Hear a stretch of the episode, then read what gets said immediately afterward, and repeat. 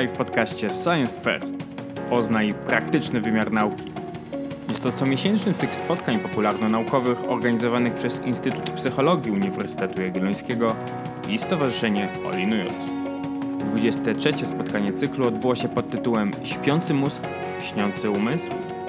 Gośćmi doktora Samuela Nowaka i Tomasza Pytko była dr Małgorzata Hołda z pracowni psychologii snu oraz profesor Marek Binder z Zakładu Psychofizjologii. Oboje związani są z Instytutem Psychologii Uniwersytetu Jagiellońskiego. Co dzieje się z naszym mózgiem, gdy śpimy? Czy skracanie snu jest bezpieczne dla zdrowia? Dlaczego śnimy? Czym są stany śpiączki? To tylko kilka pytań, jakie zadaliśmy naszym gościom, ale wiele więcej pojawiło się w dyskusji oraz w pytaniach, które nadsyłaliście oglądając rozmowę.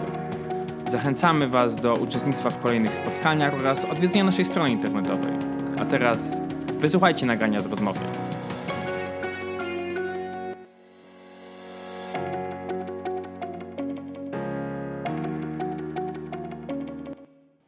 Śpiący mózg, śniący umysł. No i w sumie wyspałeś się dzisiaj? Ja źle sypiam, chociaż martwię się o kondycję ziemi. Marku, spałeś dobrze dzisiaj? Bywało lepiej. Było lepiej?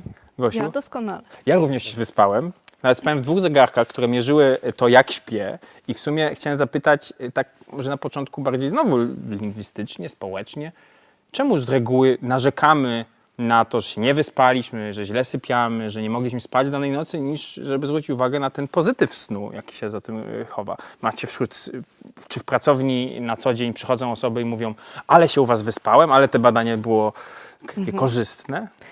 Tak, bardzo często się nam to zdarza, bo my pozwalamy spać, dopóki się człowiek nie wyśpi. Nawet raz pozwoliliśmy jednej badanej spać 10 godzin i była zachwycona, także tak. Czyli rozumiem, y, to też było jedno z takich pytań, które sobie stawiam. Czytałem wywiad na portalu rekrutacyjnym Instytutu Psychologii, gdzie Samuel właśnie pytał, że chciał się kiedyś zrzemnąć, ale Tak. pracownia była zamknięta. Zdaje się, że to nie jest tak łatwo wejść do pracowni snu, ale także zostać badanym. Y, Trzeba przejść pewne testy. Ale czy mógłbym je przejść? W jaki sposób można by zbadać swój sen?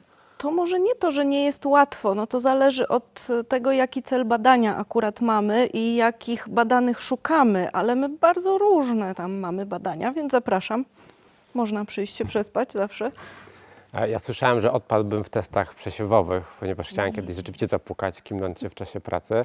No ale potem e, podczas tej rozmowy, którą odbyliśmy właśnie na potrzeby naszego portalu rekrutacyjnego, zapraszamy do jego odwiedzenia, zwłaszcza tegorocznych maturzystów i tegoroczne maturzystki rekrutacja psychologia uj.edu.pl. E, W trakcie tej rozmowy pojawiło się kilka wątków i właśnie ten, że te e, testy przesiewowe, które kwalifikują pewne osoby do badań, a które z nich wykluczają, są dość szczegółowe, bo tych badań robicie, y, tych badań jest robionych kilka rodzajów. Tak z grubsza mówiąc, e, czym zajmujesz się i twój zespół e, w swoim laboratorium? Ostatnio to nie bardzo kilka rodzajów, bo badania z powodu pandemii nad snem troszkę utknęły nam. Ale ostatnio robiliśmy takie badanie dotyczące tego, jak sen wpływa na procesy poznawcze, a przede wszystkim na rozwiązywanie problemów. To nas szczególnie interesowało. A ponieważ to było badanie w ciągu dnia prowadzone, bo myśmy badanych prosili o to, żeby się zdrzemnęli tylko trochę, no to szukaliśmy takich badanych, którzy są w stanie zasnąć w ciągu dnia, co nie, każdy, nie każdemu tak łatwo przychodzi. No więc może, może taka trudność, ale generalnie nie. To nie jest tak, że trudno przejść taki test. Okej. A Zapytam jeszcze o, tę ludowe, o to ludowe porzekadło, prześpi się z tym. E, To jest taka rada, którą na przykład moja babcia regularnie e, przed klasówką jeszcze w czasach podstawówki mi podrzucała. Prześpi się z tym. Przyznam, że różnie z tym bywało, a zwłaszcza przed sprawdzianami e, z nauk e, ścisłych, który, gdzie nigdy w tym obszarze nie byłem szczególnym orłem. Jakie są wyniki waszych badań? Bo wiem, że pojawiło się już, jakby one zostały opublikowane w formie arty kilku artykułów recenzowanych. Te wyniki i naszych badań, i tych wcześniejszych, które były prowadzone, one są tak nie do końca jednoznaczne, jeśli chodzi o to, czy faktycznie się powinniśmy przespać z problemem, czy nie. E, Z jednej strony jest mnóstwo badań, które pokazują, że rzeczywiście warto się przespać po to, żeby nam się skonsolidowały ślady pamięciowe, ale z tymi przedmiotami ścisłymi to może być jeszcze taki problem, że tam się nie miało co konsolidować. To może na tym to, To był mój polegało. case, jak się domyślam.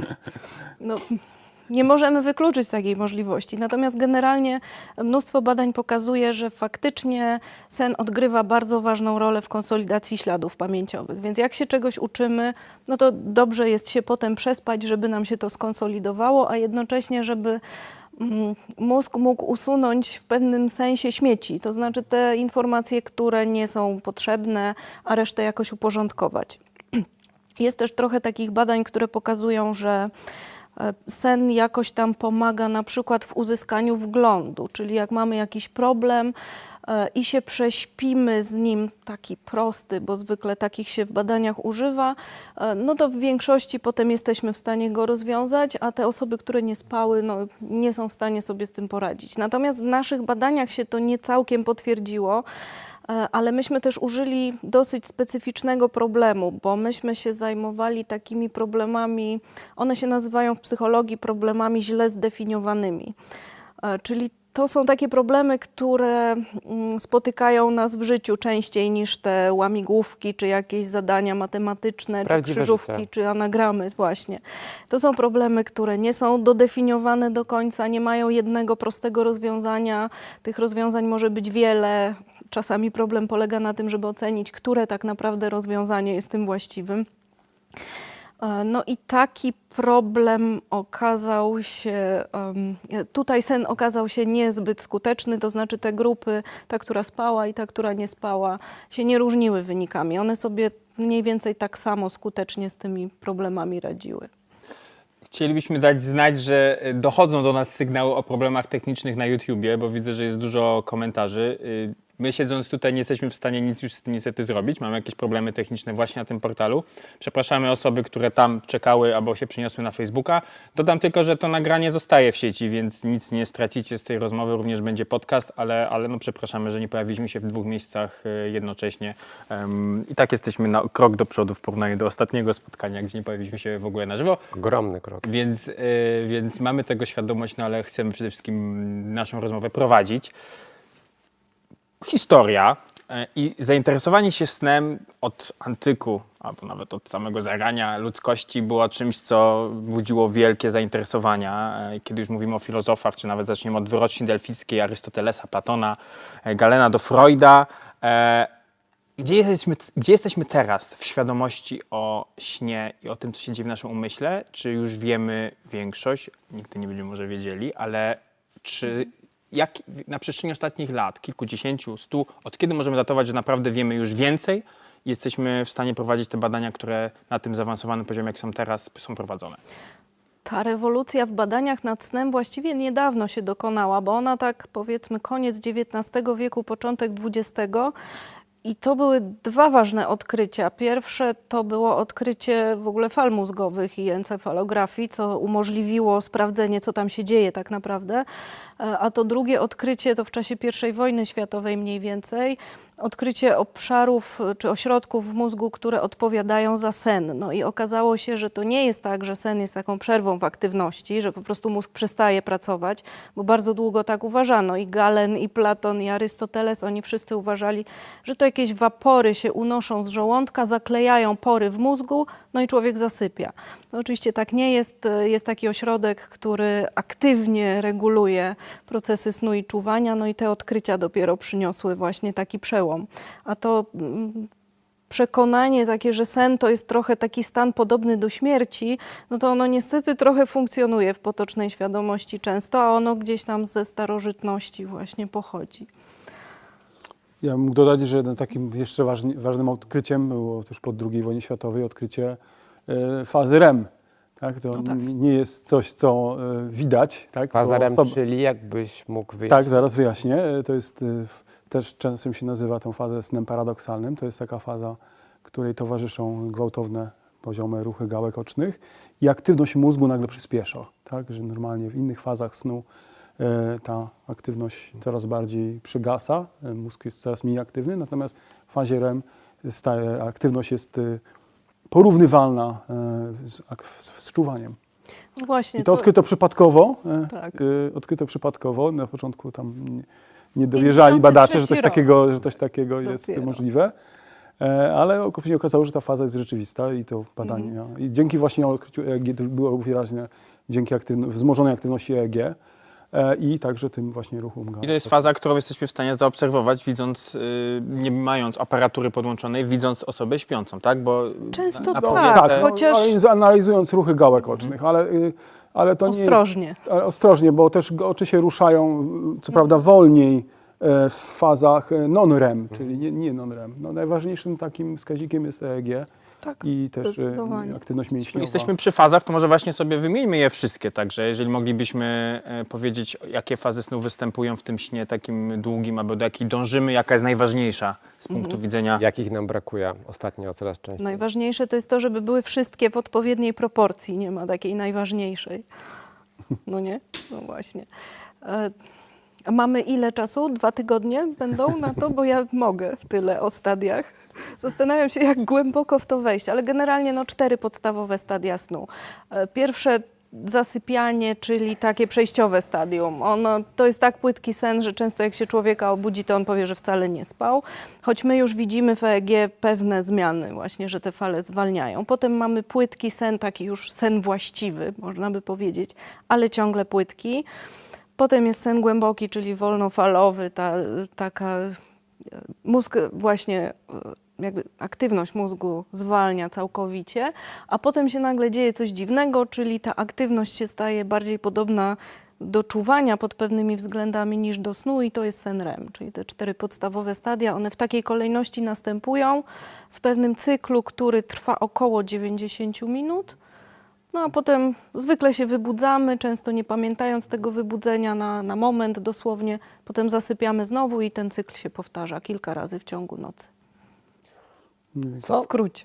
W największym skrócie, tak. tak. co dokładnie wtedy dzieje się e, z naszym mózgiem? W sensie, no mówiliśmy, że w przypadku takiej krótkiej drzemki czy dłuższej możliwa jest na przykład konsolidacja e, śladu pamięciowego, ale no, w międzyczasie też śnimy. Czy jesteśmy w stanie wytłumaczyć, e, dlaczego śnimy? Bo o ile się orientuję, są może nie tyle pewne kontrowersje, co pojawia się kilka konkurujących teorii i cały czas, próbujemy, cały czas próbujemy je weryfikować.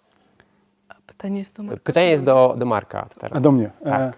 to znaczy, bo tutaj jakby trzeba odróżnić e, dwie rzeczy, tak? Z jednej strony e, jaka aktywność mózgu może być związana ze śnieniem, a druga rzecz, e, jak e, mm, wyjaśnić treść marzeń sennych, dlaczego one są takie, a nie inne. To są jakby dwie, dwie, dwie, e, dwie, dwie kwestie. E, Co do tego, e, co do marzeń, marzeń sennych, to sprawa nie jest jednoznacznie wyjaśniona. E, Pokuty, znaczy w pierwszych e, latach po odkryciu fazy REM i pierwszych testach wy, wydawało się, że właśnie faza REM jest tą fazą, gdzie wy, występują marzenia senne. E, y, osoby właśnie tylko w, tej, tylko w tej fazie mogą śnić. Później okazało się, że nie jest, nie, jest to, nie jest to do końca prawda, że można mieć marzenia senne także w innych fazach. Z tym, że jest taka tendencja, że w fazie REM te, popraw mnie Małgosia, jeżeli się coś Uważnie słucham. E, że najczęściej właśnie w fazie REM te, te sny mają najbardziej bogatą, e, bogatą, e, bogatą treść. Natomiast w innych fazach, kiedy się osoby, osoby się budzą, to pamiętają marzenia o takiej bardziej charakterze werbalnym, jakichś takich Tak, takie abstrakcyjne, abstrakcyjne no właśnie, myślenie o czymś, ale o charakterze, o charakter- charakterze werbalnym. E, Więc, więc tutaj takie, y, więc te, w ten sposób się to próbuje wyjaśnić. Jeżeli chodzi o treść marzeń sennych, no to jest kilka koncepcji, kilka koncepcji, które ze sobą się konkurują. Jest hipoteza e, aktywacji syntezy, że mózg próbuje jakby zintegrować pewną, zintegrować pewną e, chaotyczną aktywność, która się wtedy wydarza i ta, sny są próbą te, takich działań. Takiego nadania sensu Nadania temu, sensu, co do nas dociera. sensu. No. Jest koncepcja neurokognitywna, mm, która mówi, że sen jest de facto, nie ma jak, jest kontynuacją pewnej takiej aktywności wyobrażeniowej, która towarzyszy nam na jawie, ale ona jest jakby w czasie snu, ona nie ma jakby konkurencji ze świata zewnętrznego, w ten sposób się nasi, nasila i jakby dominuje naszą, naszą świadomość. Y, To są, znam takie dwie, może jakieś Dobra. wyrzuciła. To ja jeszcze tak trochę uzupełnię do tej neuropoznawczej teorii, bo ona zakłada, że marzenie senne, czy w ogóle proces śnienia, to jest mniej więcej to samo, co robimy na jawie podczas myślenia, tylko że takie bardziej obrazowe. No i tak samo jak na jawie dowolny przedmiot może dowolny z pamięci przywołać na drodze skojarzeń, tak samo się dzieje tutaj, tylko że dzięki temu, że to jest właśnie takie obrazowe, i takie też czasem percepcyjne, bo my wszystkimi zmysłami często śnimy, to się nam to wydaje takie dziwaczne, a, to wcale nie jest wiemy, aż takie jak dziwaczne. e, śnią osoby, które na przykład są niewidome? Wiemy, a mogę jeszcze trzecią teorię? Jasne, jasne. Bo ona jest bardzo ciekawa i bardzo ją lubię. Jeszcze jest teoria ewolucyjna, e, która mówi o tym, że marzenia senne to jest taka symulacja rzeczywistości i że nam to umożliwia po prostu ćwiczenie różnych umiejętności, a przede wszystkim ćwiczenie unikania różnych zagrożeń, bo takie było nasze pierwotne środowisko ewolucyjne, no więc tak te marzenia senne wyewoluowały, żebyśmy sobie nauczyli się radzić z różnymi zagrożeniami. Dlatego nam się często śnią właśnie takie nieprzyjemne rzeczy, że uciekamy przed jakimiś bestiami albo tam. Tak, gdzieś spadamy. No właśnie, to ma służyć ćwiczeniu umiejętności, jak sobie z tym radzić. Ja mam zmory dość często, nie wiem, czym one miałyby służyć. Wiesz, To- nie da się uciec, ponieważ leży się sparaliżowanym. No, bo to jest trochę co innego. Y. Samuel właśnie zapytał o to, czy wiemy, jak y, śnią e, osoby, Mhm, które y, nie mają aktywnego, sprawnego zmysłu wzroku, ale zdaje się, że też musimy rozgraniczyć te, które od urodzenia nie widzą, tak. czy też które utraciły w jakiś sposób y, wzrok. To jest tak, że osoby, które nigdy nie widziały, nie mają takich doświadczeń, nie mają śladów pamięciowych, z których by się to marzenie senne mogło zbudować, więc one śnią tak samo, jak doświadczają świata rzeczywistego, więc u nich jest więcej doznań e, dotykowych, słuchowych i tak dalej. Natomiast tych wzrokowych nie mają. E, Natomiast te osoby, które kiedyś widziały, mogą mieć takie doświadczenia, no i taka ogólna zależność jest taka, że im wcześniej się to stało i im dawniej, e, czyli im mniejsze były te osoby, jak straciły wzrok i im, dłuż, im więcej czasu upłynęło od tego momentu, tym mniej tych doświadczeń wzrokowych jest. Co by potwierdzało też te koncepcje takie poznawcze czy neuropoznawcze. Marku, mówiłeś, e, powróciłeś wątek świadomości. E, jesteś współzałożycielem Laboratorium Badań nad, e, nad Świadomością. W jaki sposób te dwa obszary, czyli sen i świadomość się łączą? A potem będę chciał też zapytać o bezpośrednio Twoje badania, czyli między innymi dotyczących, e, dotyczące pacjentów w śpiączce. No, s- sen i świadomość łączą się w ten sposób, że mm,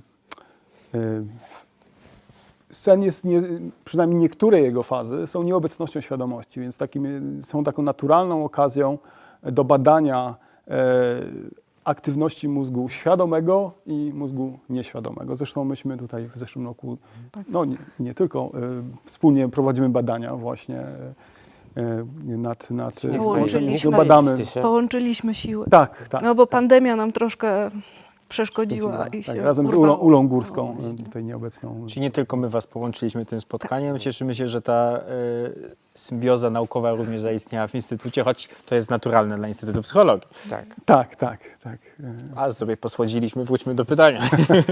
Więc, e, więc sen jest bardzo interesujący dla badacza świadomości, bo jest takim naturalnym, naturalnym, e, naturalną e, okazją zbadania mózgu nieświadomego. Nie trzeba wyłączać świadomości poprzez, e, poprzez e, podanie środka anestetycznego.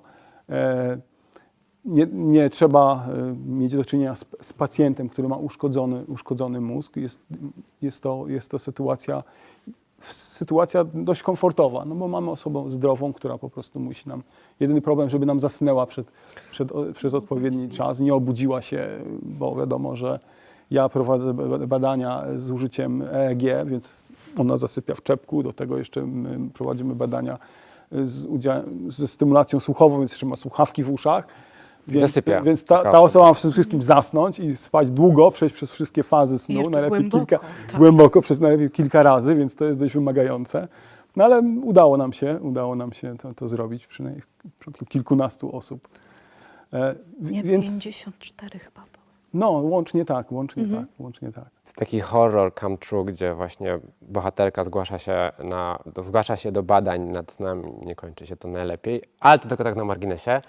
Nie E, oglądamy takich rzeczy. Nie, nie było takich sytuacji, Nigdy. kiedy, kiedy żeby ktoś tam... Żeby coś się źle skończyło, absolutnie. jakąś traumą, nie, nie. nie. Owszem, wymęczyliśmy troszkę badanych, bo myśmy mało tego, że spali w czepku, to jeszcze ja kleiłam dodatkowe elektrody do polisomnografii, więc miała na głowie dwa komplety elektrod, Tak, tak. masę kabli, jeszcze te słuchawki do tego wszystkiego, więc troszkę badani narzekali i część z nich rzeczywiście spała płytko, ale Po bez wydarzeniu przesady. wkleimy takie zdjęcie e, Marka w czepku tym właśnie, bo jest ona tutaj dość powszechna w instytucie. Bardzo lubiane. Znów. Więc, e, ale też badania stricte to, czym się, czym się zajmujesz, e, to jest, mówimy już zupełnie innym śnie. O śnie, z którego z jednej strony czasem no, wybudzają nas lekarze, anestezjolog, wybudza nas farmakologia, albo jeżeli jest to wprowadzone celowo, no, ale są też takie, takie śpiączki, na które no, medycyna nie do końca sobie jeszcze póki co radzi w pełni. Więc czego dokładnie dotyczą Twoje badania w kontekście śpiączek?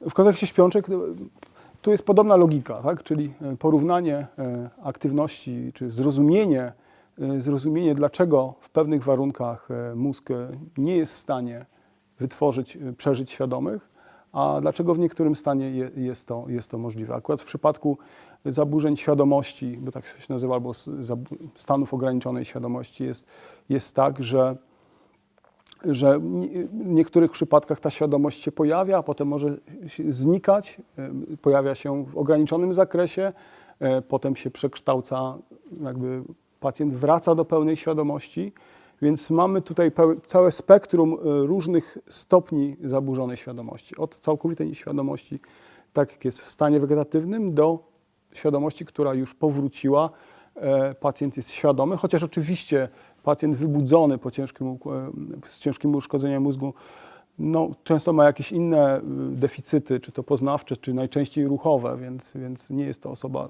w pełni zdrowa. Tym niemniej jest świadoma. Tym niemniej Możemy sobie powiedzieć, powiedzieć, Świadoma. czym dokładnie jest śpiączka farmakologiczna? Czy to jest forma terapii, forma leczenia? E, Z tego śpiączka farmakologiczna, czyli wprowadzenie pacjenta, e, to jest za, sprowadzać za pomocą e, anestetyków, środków znieczulających, raczej ma, ma za zadanie obniżyć metabolizm mózgu, czyli zatrzymać, te, za- zatrzymać działanie jakichś negatywnych czynników, które mogą uszkodzić dalej mózg. W przypadku jego uszkodzenia, czy uszkodzenia innych, innych rejonów mózgu, gdzie grozi na przykład niedotlenienie, ten mózg, który jest w stanie śpiączki farmakologicznej, ma mniejsze zapotrzebowanie na, na, na tlen. Więc, więc to tak zabezpiecza, zabezpiecza, zabezpiecza mózg przed jakimiś negatywnymi efektami uszkodzeń. E, Twoje badania bezpośrednie dotyczą głównie osób, które z powodu różnych, różnych urazów e, są, pozostają w śpiączce. Jak w ogóle, w jaki sposób możemy wiedzieć, e, na ile one, te osoby są świadome? E, w jaki sposób uzyskujemy dane o tym mówiące nam, do jakiego stopnia ta świadomość jest ograniczona? No bo rozumiem, że moment przebudzenia, czy on jako, mamy sytuację, kiedy ktoś wraca do zdrowia mniej lub bardziej, no ale też domyślam się, że są momenty, kiedy ktoś zyskuje świadomość, ale jego zdolność do komunikowania się ze światem zewnętrznym jest w zasadzie albo bardzo ograniczona, albo żadna, a wciąż ta osoba pozostaje świadoma. Tak, tak, tak. No tutaj jest, y, tych dróg e, jest, jest bardzo wiele. Takim, tak, o takiej sytuacji, że pacjent rzeczywiście może być świadomy, natomiast ma na tyle uszkodzone te drogi ruchowe, że nie jest w stanie w żaden sposób dać nam znać, że jest świadomy. To takie, takie zaburzenie nazywamy dysocjacją poznawczo-ruchową i wtedy y, szansą na, na, y, na wykrycie świadomości pac- takiego pacjenta jest, są techniki obrazowania. E, Czyli możemy na przykład takiego pacjenta umieścić w skanerze rezonansu magnetycznego i takie słynne badanie. Prosimy go, żeby grał w tenisa, tak? e, e, I wtedy albo wykonywał jakieś inne czynności, które wymagają świadomości. Jeżeli on to w stanie jest wykonać, widzimy to, e, obserwując jego aktywność jego mózgu, to wtedy wiemy, że on jest świadomy, no bo żeby na przykład grać w tenisa przez 30 sekund, potem nie grać, potem znów grać, to wymaga, wymaga koncentracji uwagi i utrzymania pobudzenia przez jakiś określony okres czasu, więc trzeba być świadomym, żeby to zrobić. Więc to jest dla nas silny dowód, że taka osoba jest świadoma, chociaż ruchowo nie ma, nie ma szans, żeby uzyskać od niej- jakieś, jakieś reakcje. Więc Łącznie z ruchami gałek ocznych. e, I po... Może być też problem. Może być też A czy jesteśmy Na przykład potem- może osoba mieć, nawet nie, że e, osoba nie ma ruchów gałek ocznych, ale może mieć ocz- oczopląs, który Mhm. uniemożliwia jej, e, jej kierowanie ruchu gałek ocznych zgodnie z jej, z jej intencją. Dziękujemy za pytania, które się pojawiają e, na Facebooku i na YouTubie, bo tam też już jesteśmy, więc jakby ktoś wolał się przełączyć, to, to można. W drugiej części naszej rozmowy je zadamy, zachęcamy do tej, do tej, do tej formy. Będzie cenzura i selekcja. Będzie cenzura i selekcja moja, bo ja mam przed sobą urządzenie, więc y, proszę wybaczyć. Postaraj. Wasze badania e, dają tą odpowiedź właśnie. Na przykład jesteście w stanie to zaobserwować. A Aha. co to może dać lekarzom w na przykład planowaniu terapii? Albo do czego dążycie w tych badaniach, tak, y, no, żeby ta osoba, czy ta osoba jest w stanie mm, uzyskać tą sprawność poza zaobserwowaną w stricte określonych badaniach? Czy to jest jakiś tylko etap? Czy jaką wiedzę uzyskujemy tak naprawdę medyczną dzięki temu? To znaczy, jak, y, no bo moje badania mają jakby dwa takie, dwa takie, dwa takie jakby Dwie kierunki, dwa kierunki, Mhm. tak? Więc to jest właśnie zrozumienie naukowe, zrozumienie, co wytwarza świadomość, co blokuje wytwarzanie świadomości w mózgu, czyli to jest cel naukowy. A z drugiej strony właśnie kwestia pomoc w diagnozie. Czyli to będzie sytuacja, ja widzę moje badania jako pomoc w sytuacji właśnie, kiedy osoba e, e, ma, może mieć uszkodzone te wyjścia ruchowe i, i badanie mózgu mogłoby pomóc, y, pomóc w diagnozie. To jest taka sytuacja. No, rezonans, jak już powiedziałem, jest bardzo wielką pomocą, ale rezonans jest trudny technicznie. Nie każdy pacjent nadaje się do, No do rezonansu. Trzeba przeleżeć godzinę przynajmniej w rezonansie, nie ruszając się. E, więc u wielu pacjentów jest niemożliwe, bo oni mają naturalne jakieś prężenia i tak dalej, więc nie jest w stanie wtedy zrobić. Można ich e, dać, podać lek, e, lek uspokajający, no ale wtedy, wtedy oni nie wykonają zadania poznawczego, więc, więc tutaj wykorzystuję badanie elektroencefalograficzne, żeby, które jest prostsze, mniej inwazyjne, łatwiejsze do wykonania, aby wspomóc ewentualnie proces diagnostyczny, zobaczyć, czy, czy ten mózg już ma pewne cechy, e, które widać u osób, które są świadome. Przede wszystkim interesuje się reakcjami na, na bodźce słuchowe. Wiemy, że są pewne ograniczone możliwości komunikowania się e, Mhm. ludźmi w takim stanie. Jak to wygląda praktycznie i jakiego typu informacje jesteśmy w stanie, jak złożone albo ograniczone, uzyskać? No, mi się wydaje, że takim, takim jedną z, z takich e, dość przełomowych e, technik, która jest dość szeroko stosowana w Polsce i tutaj jest też zasługa naszych inżynier, inżynierów e, z firmy Assistech, jest tak zwany CI, taka technika CI, czyli śledzenia ruchów gałek ocznych. I ona się dość mocno w Polsce rozpowszechniła. E, e, I umożliwia ona komunikację z tymi pacjentami, którzy, którzy mają możliwość sterowania swoimi ruchami, swoimi gał- gałkami ocznymi. I to jest, to, jest, e, to daje szansę na komunikację. To za tym stoi specjalne oprogramowanie pod takich pacjentów, że, e, że bardzo łatwo oni mogą się komunikować, że, że to opro- oprogramowanie daje e, opcje, które są związane z życiem tych pacjentów, z ich potrzebami i tak dalej. Więc to jest taka bardzo, bardzo duża możliwość komunikacji. Ja tu Jest się pozwolę stosowana. wtrącić. E, słyszą Państwo różne odgłosy, zamykanie drzwi, kroki. My nadajemy z prawdziwego lobby, które pełni też funkcję lobby i, A uniwersytet jest zamknięty, bo jest Tak. pandemia. I cały czas ktoś tu przechodzi, więc jakby prosimy trochę o, o, trochę o odrobinę wyrozumiałości, chociaż e, zdajemy sobie, że może być to uciążliwe w. Istnieje prawdopodobieństwo, że Małgorzata nie zamknęła drzwi od pracowni, to ktoś właśnie w trakcie Ja. badań. e, Proszę lunatyków. sobie spać. No właśnie, a lunat, e, o lunatyków chciałem zapytać. W sumie to jest dość e, ciekawe. E, c- niektóre osoby lunatykują, czyli rozumiem są, e, co się z nimi dzieje w czasie snu.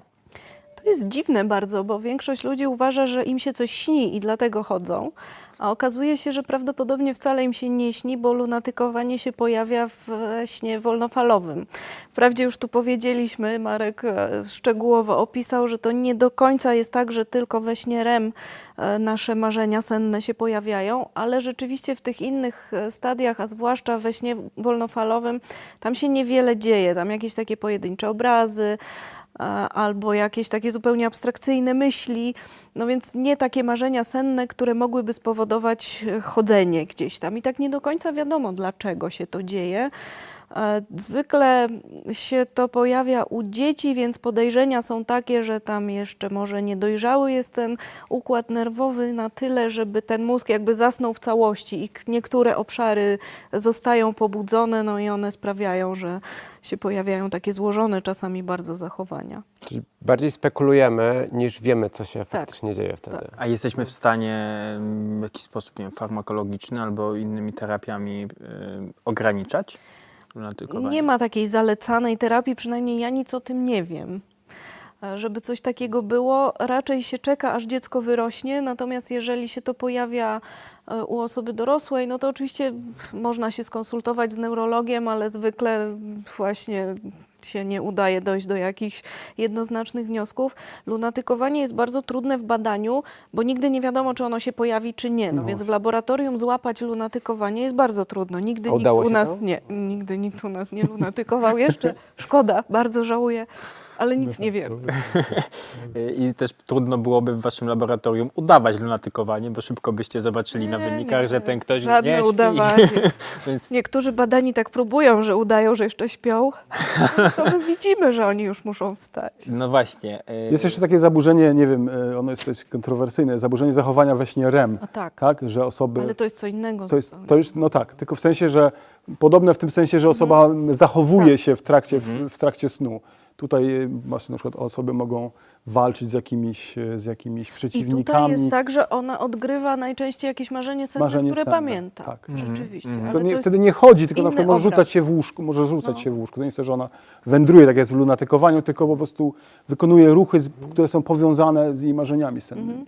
I często jest to potem, e, może tak, inaczej. E, bardzo często to się pojawia 10-15 lat przed wystąpieniem jakiejś choroby neurodegeneracyjnej. No właśnie, to jest w stanie nam dużo wcześniej coś No powiedzieć. właśnie tak nie do końca wiadomo, czy ten związek tu jest jakiś przyczynowy i rzeczywiście jednoznaczny, ale takie są podejrzenia, że, że to jest jeden z pierwszych objawów.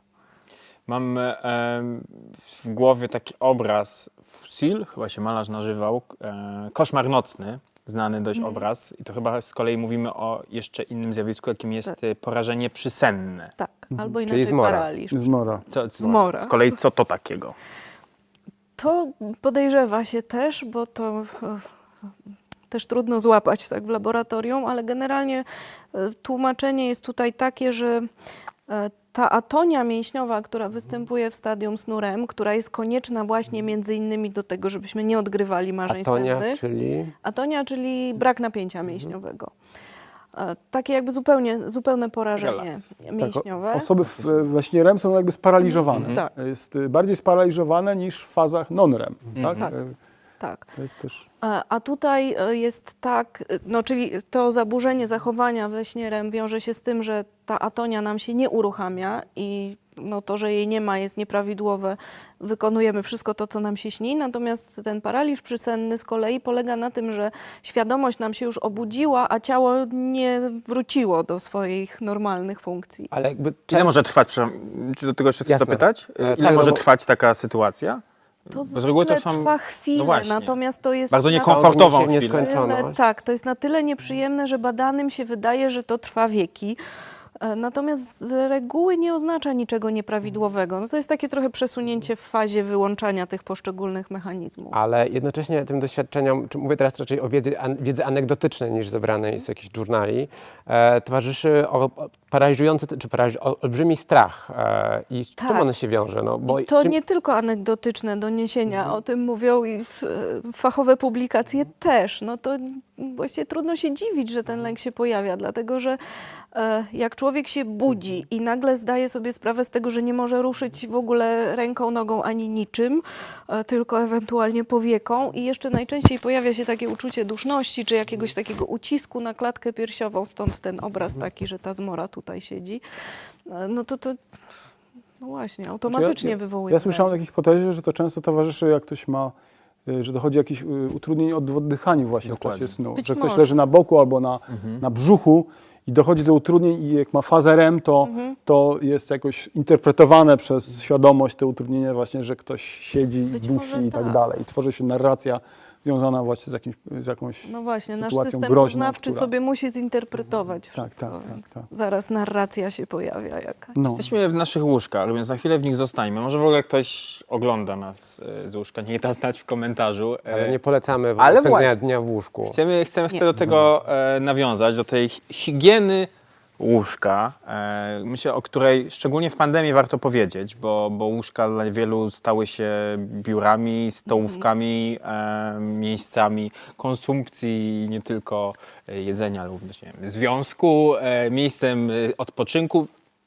Powiedzmy sobie o najważniejszych takich możliwych zasadach, których powinniśmy też przestrzegać, czego unikać, czego nie przenosić do, do łóżka. Jeżeli jesteśmy w stanie powiedzieć, to myślę, że to byłoby bardzo Ja bym pomocne. powiedziała o dwóch takich, które mnie się wydają najważniejsze i gdzieś tam w literaturze też są powtarzane. Po pierwsze regularność, czyli kładziemy się spać zawsze o tej samej porze i wstajemy o tej samej porze. No powiedzmy pół godziny, jak nam się przesunie, czy nawet godzinę, to jeszcze nic się nie stanie, ale ta regularność jest ważna. To, co my robimy, e, że po 5 godzin sypiamy w tygodniu, a w weekend potem przesypiamy większość dnia, to jest bardzo niezdrowe. To jest trochę tak, jakbyśmy e, w ciągu tygodnia zjadali jedną kanapkę w ciągu całego dnia, a potem w weekend nagle zje, zjedli wszystkie obiady z Czyli całego nie da się tygodnia. nadrobić nie? braku snu. Trochę się da, no ale należałoby tego unikać. To jest po prostu niezdrowe na dłuższą metę. Zdaje się, że też taki rekordzista, który nie spał e, 11 ponad dni, kiedy w końcu zasnął, to spał i tak tylko 10 godzin, 14 dokładnie. 14, ale no nie był to sen następnych Tak. kilku dni. Czemu służył ten rekord? No wtedy to- jeszcze chyba to- dopuszczano do takich. To Rekord był chciał pob- szkolny projekt, Okej. taki e, w średniej szkole w Stanach e, Bardzo sobie etyczny, wymyślili tak, pobijanie takiego rekordu. Nie wiedziano wtedy jeszcze Mhm. tak wiele. Chyba lata 60. zdaje E, się. Tak, A, to jakoś ciekawy moment w tak. psychologii, bo się No wiele takich eksperymentów Ale pojawia. jeden z tych badaczy, chyba William Dement, chyba brał udział. Tak, jeden z badaczy snu tym nadzorował to. Mhm. e, ten 264 godziny bez snu. Wiem, że e, od tego czasu raczej nie próbuje się takich badań Nie, wprowadzić. niezalecane to jest zdecydowanie. Dement się nim opiekował, bo jak usłyszał, że ktoś coś takiego robi, no to przyjechał bardzo zainteresowany, ale em, no właśnie, Okej, ryzykowny. Czyli regularność, e, nie nadrabiamy snu sobie w weekend, staramy się Nie otrzymać... przesadzaj. e, ten- No jednorazowo jak się zdarzy, to, to no, każdy nic, to lubi nie sobie w weekend prawda? dłużej w tym No łóżku właśnie. zostać. Co jeszcze? Ale to jest ważne. No proszę zwrócić uwagę, że coś dodam. Okej. Tak, proszę, Jasne. Gosia się lepiej zna na tym, ale bo Gosia zwróciła uwagę właśnie na, tą, na, tą, na to, żeby zdrowy sen to jest sen, w którym są wszystkie fazy, się Mhm. przechodzimy. A taka nieregularność może prowadzić właśnie do Właśnie. tego, że te nie wszystkie fazy w odpowiedniej kolejności będą się pojawiały i ten Mhm. sen właśnie Zresztą my to będzie, widzimy w laboratorium, e, że e, ludzie mają po 30-40% snu głębokiego, prawda? Powinno go być no maksymalnie 20%. Takie zalecane jest nawet 10-15% czasu snu powinien zajmować sen wolnofalowy. A tu w laboratorium człowiek przychodzi, śpi pełną noc, czyli tam powiedzmy 8 godzin i ma 30% snu głębokiego, co oznacza, że jest po prostu koszmarnie niewyspany. No ale słuchajcie, są teraz urządzenia coraz bardziej powszechne, zegarki. Dzisiaj spałem w dwóch zegarkach, żeby swój sen mierzyć. No i kiedy śpię w tygodniu, to tam na koniec rano mam na, na określoną procentową jakość snu, no to w weekend zawsze mam lepszy wynik. Czy na to też, nie wiem, wpływ- ma wpływ stres, to, że następnego rano, ranka wiem, że może czeka na mnie mail od Samuela, bo jest tydzień, chociaż w weekendy też wysyła. Tak, to o 6.15 to jest moja stała. Obawiam się, że to jest związane głównie z tym, że te zegarki nie bardzo dobrze mierzą to, co Oj, należało. One wykorzystują do mierzenia Tętno One i ruch. wszystkim- Ale one przede wszystkim, e, przynajmniej te, które oglądałam tam, jeśli chodzi o jakość snu, biorą pod uwagę ilość. No to to jest trochę bez sensu. Mhm. E, Ten pomiar e, głębokości snu nie jest możliwy przy pomocy takich wskaźników, taki precyzyjny, jak oni się tam chwalą, więc no i nie raczej gadżet niż dużej wagi. informacja Tak. zwrotna. Okej, ale wróćmy do higieny. Wymieniliśmy Okej. sobie to. Kolejna taka rzecz. Zdaje się, że też to, co nam świeci w oczy przed snem jest istotne. To też, tak. O, to, to może Powiedziałaś trzecia na samym początku, że Będziemy nie będziemy mogli zasnąć dzisiaj. Tak, przez- okropnie nam tu doświetleni zostaliśmy okropnie. Znaczy, okropnie dla snu, ale dla jakości nagrania bardzo Ale istotne. Pożyczkiem. rzeczywiście ekrany są niebezpieczne, bo one emitują przede wszystkim światło niebieskie, czyli o takiej długości fali, która się pojawia o świcie, co jest dla naszego mózgu sygnałem, że właśnie należy wstać i wziąć się do pracy. Jeżeli zasypiamy z komórką w ręku, e, no to właśnie doświetlamy sobie doświetlamy się nadmiernie tym światłem niebieskim. Wieczorem zalecane jest światło bursztynowe, czyli takie Ale te ciepłe. aplikacje, które na przykład zmieniają ekran e, telefonu czy też laptopa, rozumiem, są pomocne w tym i warto tego używać? Czy... No właśnie, tak nie do końca tutaj jednoznacznie to pomierzono, ale takie badania, o których czytałam kiedyś, pokazały, że owszem, zwiększyła się ilość tego światła ciepłego, o które by nam chodziło, natomiast tego niebieskiego dalej było tyle samo, Okej. więc nie. Okulary z filtrem lepiej i tu badania pokazały, że to może być skuteczne. Dobra. To ja Co- dopytam jeszcze o jedną rzecz, bo często osoby, które w jakiś sposób ten sen rozregulują i na przykład mają problem z zasypianiem albo wybudzają się w nocy, e, po konsultacji z lekarzem, lek- głównie lekarzem psychiatrą, e, stosują środki, środki nasenne. W naszej rozmowie e, mówiłaś, że jest to raczej narzędzie Niezalecane. niezalecane. Kiedy jest zalecane i jak nie powinniśmy... jestem psychiatrą, więc tak bym chciała ostrożnie, ale generalnie zalecenia są takie, żeby bezsenności nie leczyć lekami, bo nie chodzi nam o to, żeby sztucznie sen wywołać, tylko żeby przywrócić te naturalne mechanizmy regulacji, czyli właśnie zadbać o rytm dobowy, zadbać o e, głębokość tego snu. A środki nasenne niestety spłycają sen, co jest pewnym paradoksem, ale to jest tak, że one wywołują no, takie trochę otępienie bardziej niż sen, więc ten sen jest płytki. Teraz jest taka influencerska moda. Wszyscy promują jakąś firmę X, która wydała olejki OCB, które należy sobie implikować przed snem. Mhm. E, rozumiem, że nie potrzebujemy niczego przed snem, żeby lepiej spać. Przede wszystkim nie potrzebujemy influencerów, ale to Dzięki jest temu. osobna kwestia. E, przypomniałem, przypomniałem nasz e, kurator kulturoznawczy jest Humanistyczny, komisarz. humanistyczny i komisarz. Zawsze mieszam jego funkcję dodatkową. Słyszałaś może o czymś takim, ale powiedzmy sobie ogólnie o wszystkich wspomagaczach ale snu. podchodzę z dużą rezerwą. Nie, to co powinniśmy zrobić, no to właśnie zadbać o regularność, zadbać o aktywność, co też pomoże Rozumiem, za dnia aktywność? Tak, za dnia aktywność, doświetlanie się na Też przykład można. światłem słonecznym rano. A, a już wieczorem zadbanie o to, żeby to światło o, no, przygasić, żeby nie patrzeć w ekrany nadmiernie długo. E, Okej, sytuacja pandemiczna, przenoszenie biura do łóżka. to jest Komputer rano wstaje, to tylko się tym różni. Pewnie nie jeden, każdy z nas może kiedyś zgrzeszył w ten sposób, ale powinniśmy tego unikać, prawda? Ja znam Tak. osoby, które jak zaczęła się pandemia, e, wczołgują się do łóżka w niedzielę wieczorem i wychodzą z niego przy, op, przy optymalnych warunkach, kiedy coś się dzieje w piątek po południu.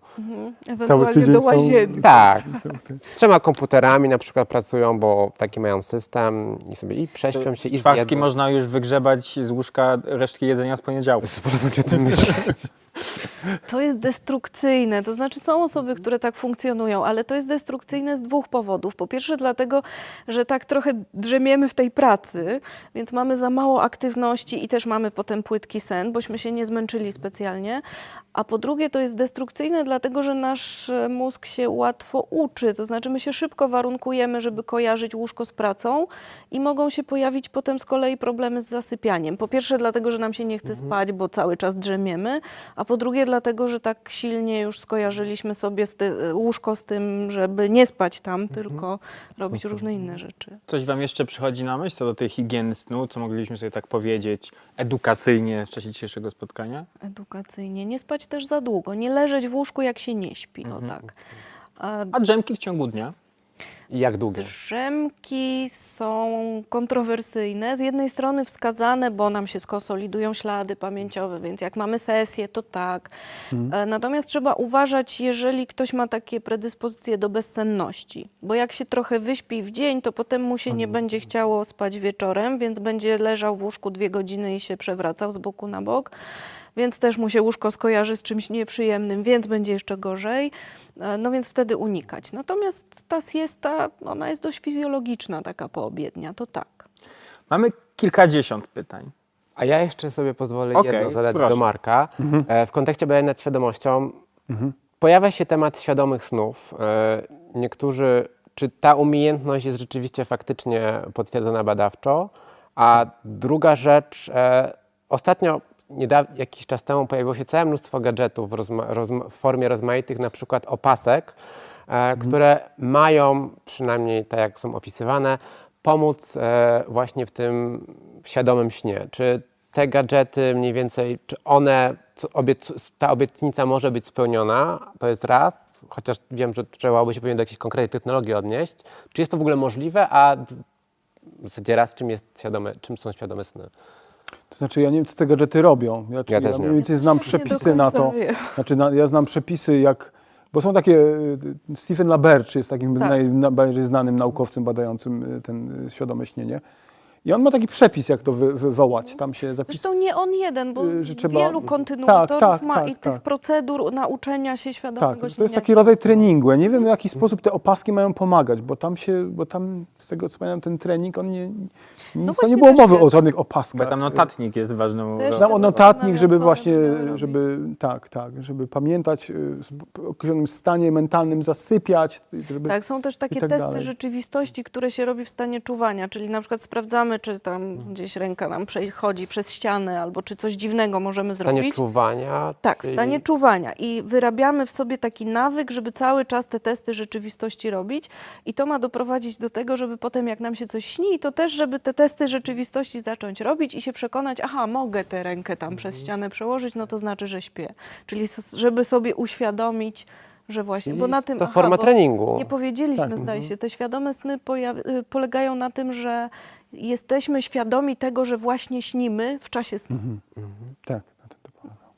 Tak, i to są różne treningi, które to umożliwiają.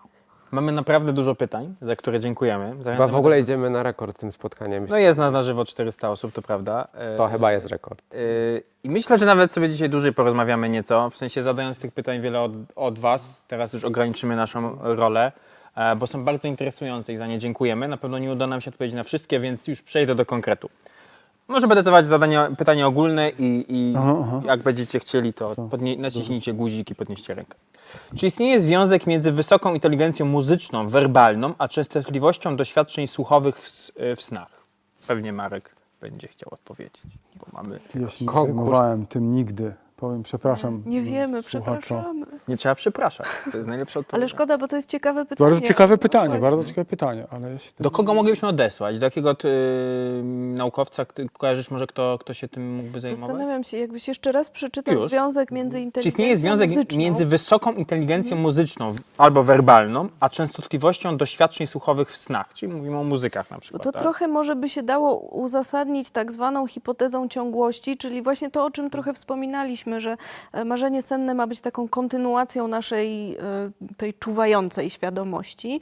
E, No więc jeśli tutaj wysoko wypadamy, no to pewnie w marzeniach sennych będzie więcej. Są takie badania na muzykach, i one pokazały, że na przykład muzykom się śni więcej muzyki i mało tego, część tej muzyki w ogóle się okazuje taka nowatorska, twórcza. No właśnie, ja słyszałem o kompozytorach, którzy Tak. wręcz komponują. No e, właśnie, i to troszkę się udało potwierdzić w badaniach. No ale nie wiem, jak z tą inteligencją Okej. tutaj muzyczną. Ja mam jakiś taki absurdalny e, koszmar senny, że idę na koncert, który się nie wydarza, ale to tak tylko jako anegdota.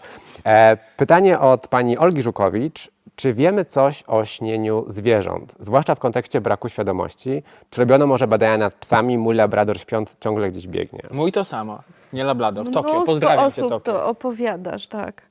Wiesz coś? Bo ja tylko wiem, że Żuwet robił badania na kotach i generalnie zwierzęta mają sen paradoksalny, który jest takim odpowiednikiem naszego remu, więc zakładamy, że jest to możliwe. No ale zwierzę nie może op- opowiedzieć, a my nie mamy żadnego fizjologicznego wskaźnika, że właśnie się coś komuś śni. A więc jedyne, na czym możemy oprzeć nasze wnioski, to jest relacja badanego. My musimy go zapytać, czy mu się śniło i co mu się śniło. Tak, ale fizjologicznie ten sen paradoksalny jest bardzo podobny do snu REM u No ludzi. właśnie. Więc możemy jakby, skoro znaczy przez jakby taką ekstrapolację można powiedzieć, że prawdopodobnie mogą towarzyszyć temu marzenia Mhm, senne, skoro fizyologicznie to wygląda bardzo podobnie. Tak, to też pewnie się wierzymy wiąże- w to, że tak. Z badaniami nad świadomością zwierząt, bo wiemy, że jakby one zrobiły olbrzymi krok do przodu i wcześniej zakładaliśmy, że jest to typowo wyłącznie ludzka cecha, a, a dzisiaj mamy już wiedzę, która by, mocno by to poddawała wątpliwość, tą naszą wyjątkowość właśnie jeśli chodzi o świadomość. Możemy tu odesłać do naszej rozmowy z profesor Heinderek i profesor Wolskim. E, Dwa spotkania temu Science First. Jest podcast sporo o zwierzętach i em, o świadomości też mówiliśmy. Kolejne pytanie. E, Czy cokolwiek e, wiadomo o ludzkim śnieniu w okresie prenatalnym? To jest trochę analogiczne pytanie do tych zwierząt. No my wiemy, że w okresie prenatalnym jest sen REM, choć on nie jest taki dokładnie taki sam jak u osób dorosłych, bo to trochę trwa, zanim się taki wykształci, ale generalnie taki odpowiednik REMu. I nawet jest tak, że tego snu REM tam jest bardzo dużo, bo u dorosłego człowieka to jest około 20%, a tu u e, nienarodzonych jeszcze dzieci się szacuje, że nawet do 60%, więc jest taka hipoteza, że prawdopodobnie to jakoś w rozwoju jest bardzo ważne, ale jeszcze nie wiemy dlaczego.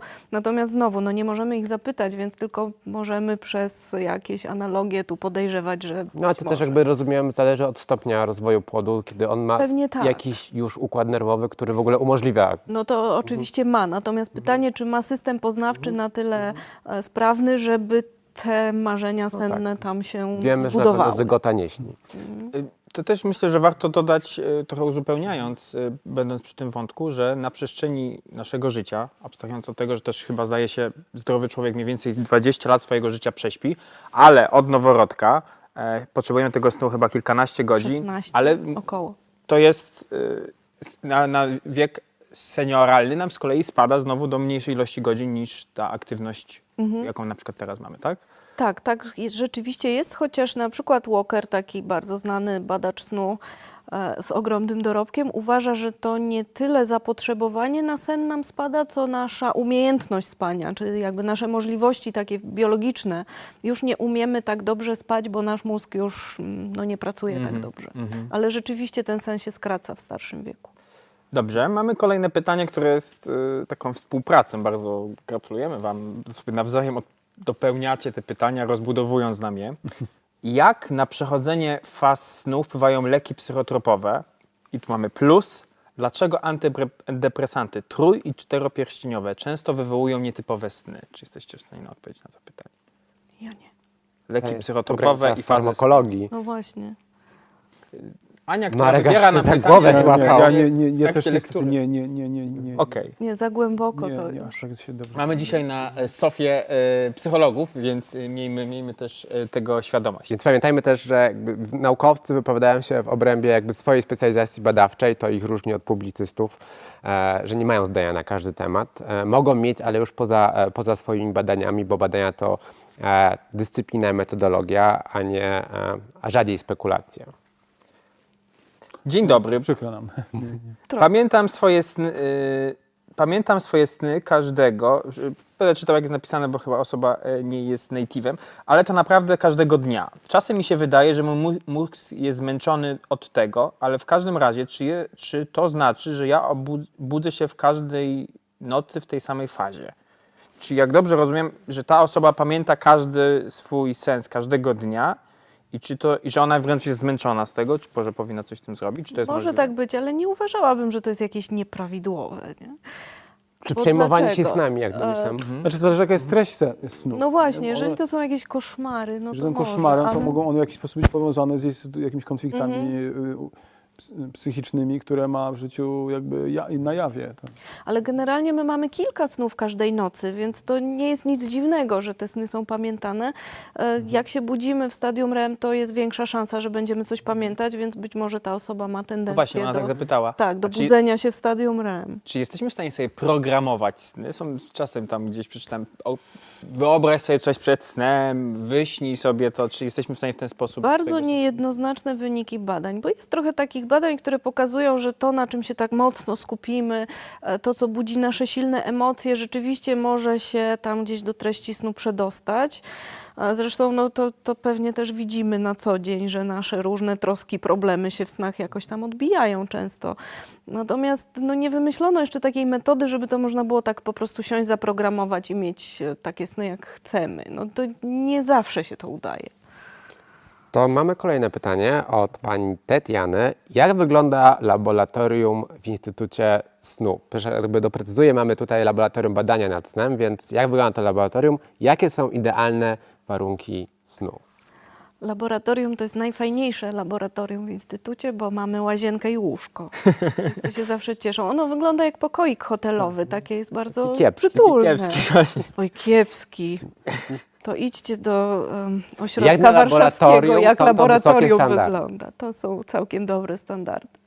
E, Ale druga część pytania było o, była Jakie o to, są jakie komfortowe... idealne warunki Mhm. snu? Ale też rozumiem, pytanie jest o aparaturę, jaką tam masz. No właśnie, zastanawiam się, bo e, spanie w laboratorium to nie są idealne warunki snu, bo śpimy okablowani i często badani się martwią, że coś sobie zerwą, że te kable, że tam coś zniszczą nam i tak dalej. Więc się czasem stresują bardzo. Co się nie stało też nigdy i nikt niczego nie zepsuł, natomiast badani się często stresują i widzimy, że to też może mieć wpływ na to, że trudniej im zasnąć. A komfortowe warunki, no to bardziej to, że na przykład temperatura w sypialni nie za wysoka, że materac wygodny, e, że pościel, nie wiem, kołdra nie za ciepła, albo jak ktoś lubi, to właśnie ciepła. To też bardzo indywidualne preferencje ludzie mają. Myśmy zaczynali jeszcze, zanim powstał laboratorium, badani spali na gorszych warunkach. Mieliśmy No łóżko właśnie. W kabinie eksperymentalnej. Które ledwo się mieściło. Ledwo się prawda? mieściło, tak badany spał na Tam polowym. badani wtedy. spali. Na szóstym piętrze, tak, spali. To, spali to tak. nie ja, ja już dzisiaj. w komforcie. Tak, tak, tak. Ma- Pierwsze badanie. Jeszcze, opo- opowiedzieliśmy o twoim laboratorium, jest to też laboratorium. pochwal się swoim. y, czym, czym mam się pochwalić? Laboratorium. Swoim labem. No, laboratorium Na razie mamy, naszego w używają. zakładzie psycho, psychofizjologii mamy laboratory dw- podwójne, dwie kabiny eksperymentalne. Ale bez łóżek. No mamy z tym łóżkiem, eks- z tym łóżk, no tak, bez łóżek. W razie czego jest łóżko polowe. Gdy twoje się bo zawaliło, no to mamy łóżko W polowe. razie czego zapas. E, Mamy to łóżko polowe. I tego zaczynaliśmy, to były wtedy. Jeżeli chcielibyście poznać te laboratoria, to Ale muszę powiedzieć, że pier- nie zapomnę do końca życia, jak pierwszy raz zobaczyłem w EG zapisie e, zespoły Oj, K. tak. e, m- A ja REM. E, Och, to jest aha, REM to rzeczywiście nie. Ja emocje. pamiętam. tak. Kiedy to było? W mówić o swo, 2013 swoim, roku. Swo, swoim badaniu na, na sobie? Nie da Nie, się jak zobaczyć właśnie swoich. badany był w tym kabinie, leżał w tym łóżku i zasnął. I zobaczyliśmy, że jest druga faza snu, Wow. e, w, że jest właśnie że wrzeciona senne zespoły K, że rzeczywiście tam ktoś śpi. Udało mu się zasnąć na tym łóżku. To, była, to było coś, co pamiętam właśnie z panią Ulą. e, A ty pamiętasz dobrze? e, Z doktorą Ja Szulą Górską. Tak, naszą doktor absolwentką. Szlągórską. Ja najbardziej lubię REMy. Y, Jeżeli chcielibyście poznać to, te miejsca, te niezwykłe miejsca, to z jednej strony y, w Instytucie wiele różnych badań jest prowadzonych, w które można się włączyć, nawet dostać jakieś niewielkie wynagrodzenie i być Niewielkie. aktywnym y, odbiorcą i nas być Znacie osobą badaną. Ale można również i tu studiować i poznawać Tak. je od środka. I raz jeszcze przypominam, e, rozmowa z dr Małgorzatą Hołdą znajduje się właśnie na portalu rekrutacja psychologia.edu.pl. Ja tylko jeszcze dodam, widzimy, że pojawia się dość sporo pytań dotyczących treści marzeń sennych. E, Nie ma z nami specjalistów w tym zakresie, e, nie ma też z nami tutaj żadnego psychoterapeuta albo psychoterapeutki psychodynamicznej, więc jakby te pytania widzimy, e, natomiast pozwalamy sobie je jakby w selekcji jakby zawiesić i odsyłając do też innych tradycji, innych szkół, innych szkół badawczych. Tak, to też jest uwaga do Ani, co do pytań, jakie nam wysyła. E, jakie są uwarunkowania snu mózgu człowieka sowy, a człowieka skowronka? I czy to w ogóle jest e, Jest, poprawna... chronotyp jest jak najbardziej potwierdzonym zjawiskiem i te różnice jak najbardziej, ale zastanawiam się, co to znaczy, że uwarunkowania, od czego zależy to, czy ktoś e, jest sową czy skowronkiem. To są prawdopodobnie genetyczne głównie uwarunkowania. No tak, tak, tak. To są takie, no, są te Głównie.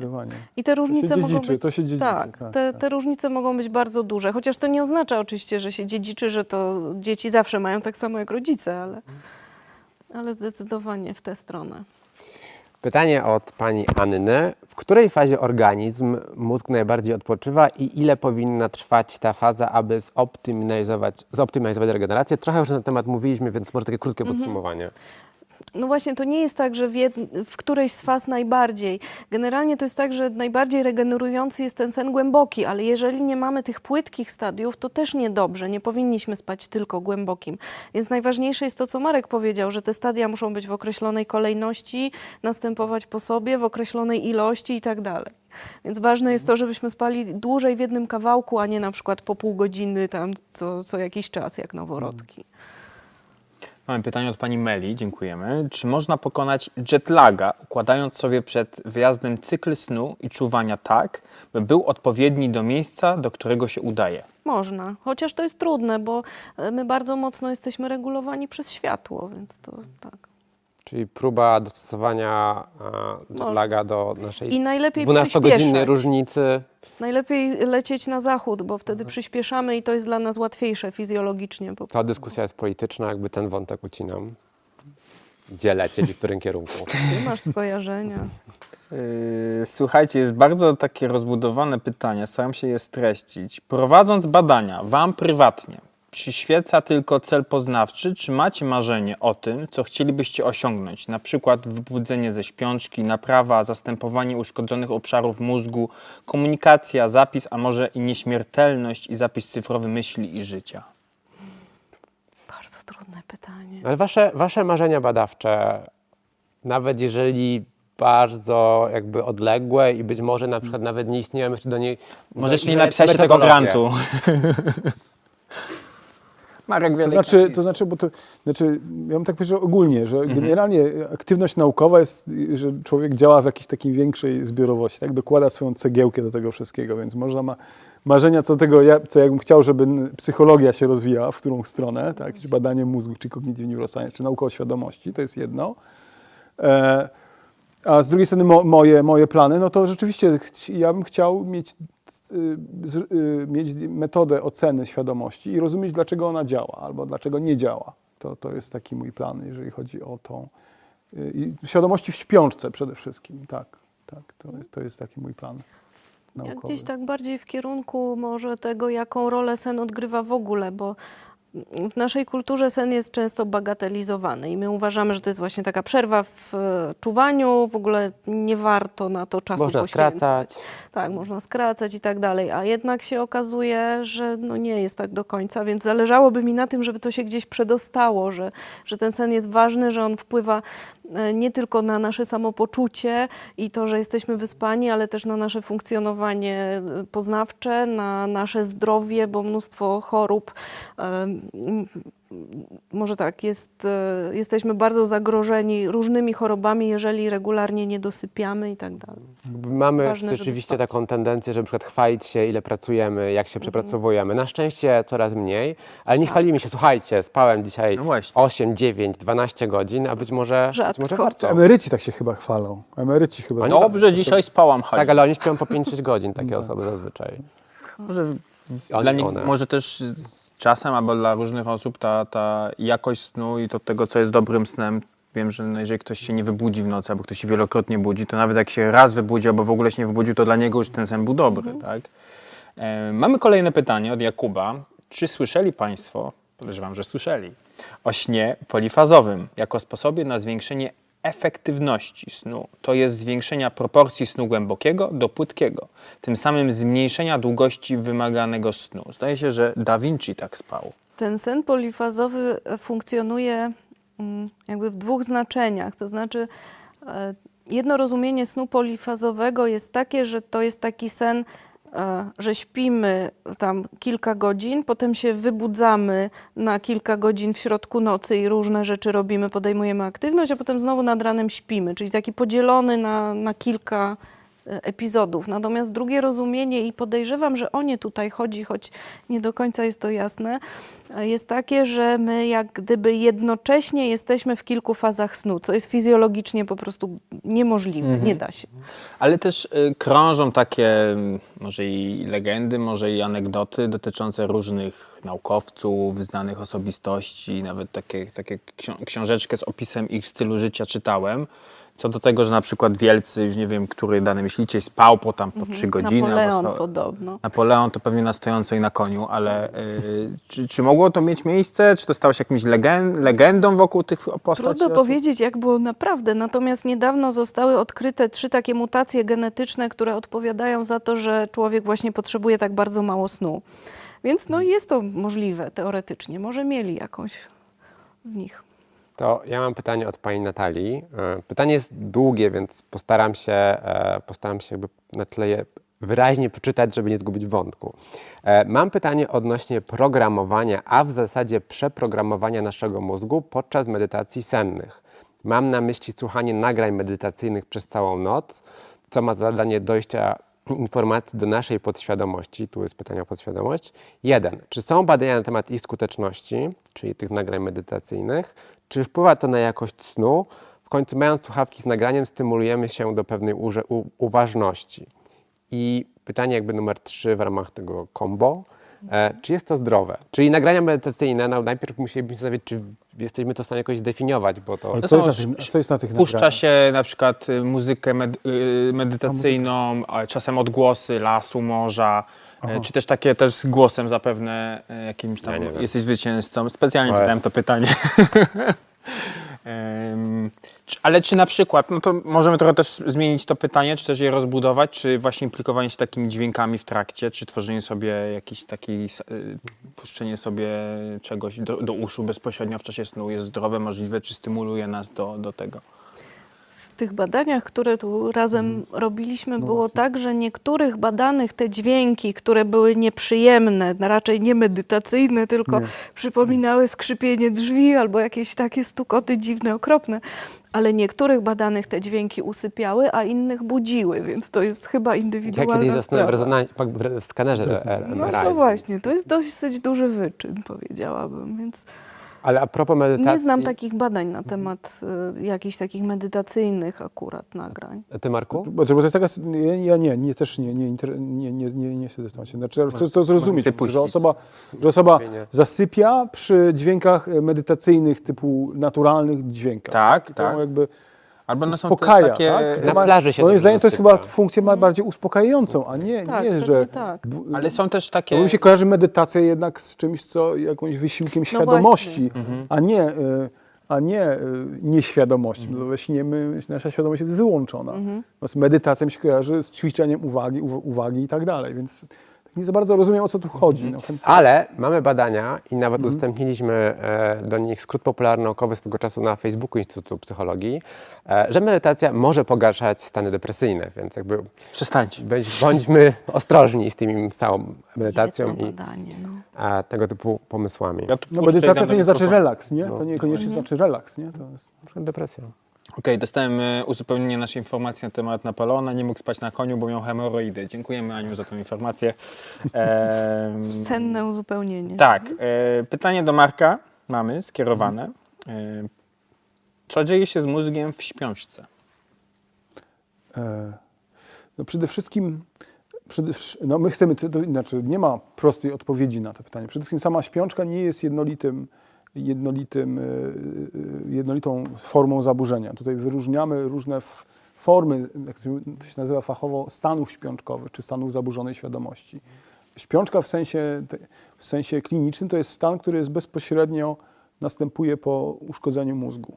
On trwa około dwóch tygodni. Wtedy pacjent zupełnie nie reaguje na żadne bodźce, e, nie można go wybudzić w żaden sposób.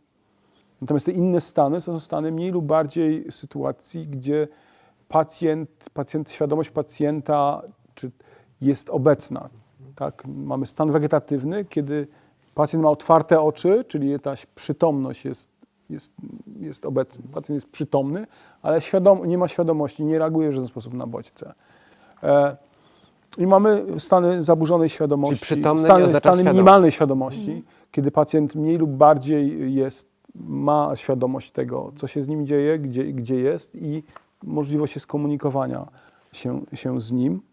Mm, I co się dzieje z mózgiem? No, badamy to. Można powiedzieć najogólniej rzecz biorąc, że mózg pacjenta w śpiączce to jest mózg, który, którym nie, nie, nie ma wymiany informacyjnej pomiędzy obszar, różnymi obszarami mózgu. To jest, gdzie te różne obszary mózgu są jakby od siebie, od siebie oddzielone i y, nie są w stanie komunikować się między sobą. To jest jeden z takich, z takich naj, w największym skrócie powiedzieć, tak. W największym skrócie. Zuza Was prosi również o polecenie literatury związanej z tematyką śnienia i spania, czy coś popularno-naukowego, albo i nie tylko, albo jakichś konkretnych e, naukowców jesteście Niedawno taka, chyba ze dwa lata temu się ukazała nawet po polsku taka książka właśnie pana Walkera, o którym wspomniałam już, ale nie pamiętam tytułu w tej chwili, ale Matthew Walker, no do znalezienia. E, I jakaś druga, nie pamiętam autora. Sprawdzimy i Tak, wrócimy sprawdzimy i gdzieś, na- e, gdzieś polecimy. na wydarzenie e, Facebooka, zgromadzimy Takie jakąś po- podstawową popularno-naukowe, literaturę. dwie bardzo, myślę, przystępnie Mhm. napisane, ciekawe książki. Jest również pytanie o prośbę o nakierowania na te badania, e, które mówiły, że medytacja pogłębia depresję. Zamieszczałeś na fanpage. Tak, e, mogę przypomnieć e, na stronie wydarzenia. Y, Tak, jako nasz y, kurator, czy jak tam Komisarz. jesteś, komisarz. E, Czy możemy porozmawiać też o hipnozie, bo są pytania o hipnozę. Jak się czujecie z tym tematem? Nie. Co się dzieje z mózgiem w hipnozie? Takie dostaliśmy pytanie. Nie. Mamy badania nad hipnozą, Słabo. ale to Tak. znowu nie. Pan To profesor by tutaj się przydał, ale Polczyk, już. Nie, tutaj No właśnie. się znał na tym. Albo świętej pamięci pan profesor Siuta. Dobra, e, to przechodzimy do kolejnych pytań, które tu do nas spływają. Staram się w tym e, odnaleźć. Dobra. Samuel, czy ty masz jakieś pytania w międzyczasie, to może z nich korzystać. Znaczy, ja w ogóle chciałem powiedzieć, że bardzo spodobało mi się, Marku, to co powiedziałeś o tym, że jednak nauka jest wysiłkiem zbiorowym. Tak. A bardzo często lubimy myśleć o nauce jako o pewnym systemie gwiazd, gdzie rzeczywiście wybijają się pewne pojedyncze osoby, ale nauka jest kumulatywna i żeby te pojedyncze osoby mogły się wybić, e, potrzebna jest mrówcza praca, całe mnóstwo nieudanych eksperymentów, całe mnóstwo fałszywych hipotez. E, I oczywiście jakby obecny system społeczny sprzyja takiemu też gwiazdorstwu, no ale pamiętajmy, że nauka to są długie, żmudne badania i dopiero po pewnym czasie jesteśmy w stanie wyciągnąć jakieś bardziej konkluzywne wnioski. No ale zresztą to, to też jest też specyfiką nauki, że nauka odpowiada, to zależy, tak? W jakim czasie, w jakim przypadku. E, Nauka nie oferuje pewnych kompleksowych odpowiedzi, ale daje to, co może odpowiedzieć na dany temat e, w danym, w danym czasie, więc to się, jakby, pamiętajmy o tym. E, Chociaż my tu oczywiście zapraszamy, zapraszamy mm, same gwiazdy Instytutu Psychologii i nie tylko. Dziękujemy panie komisarzu. E, mamy uzupełnienie. Dziękujemy, że jesteście z nami w ten sposób aktywny. E, dlaczego śnimy Matthew Walker? Tak się nazywa ta książka. Więc mamy uzupełnienie, a wy już Świetnie, wiecie. to dziękujemy. E, słuchajcie, na jakiej zasadzie działa nauka języka obcego podczas snu? Jak bardzo efektywne to jest, jak bardzo to pomaga? Zdaje się, że przez lata w gazetach była reklama tej No Sigmy więc czy nie czegoś. działa. Nie działa. Te badania, które znam, pokazały, że nie działa. Ale to był też bardzo sprytny zabieg, który oni zastosowali, bo tam było tak, że trochę trzeba było w sobie wchodzić w ten stan alfa i tam słuchać tych kaset, ale potem trzeba było powtarzać te słówka, no więc tak.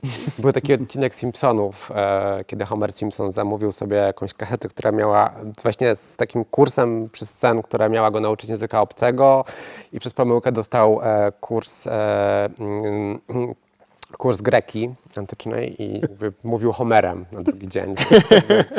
Myślę, że prowadziliśmy do tej, do tej anegdoty to sprowadzić i o tych kursach raczej zapomnieć.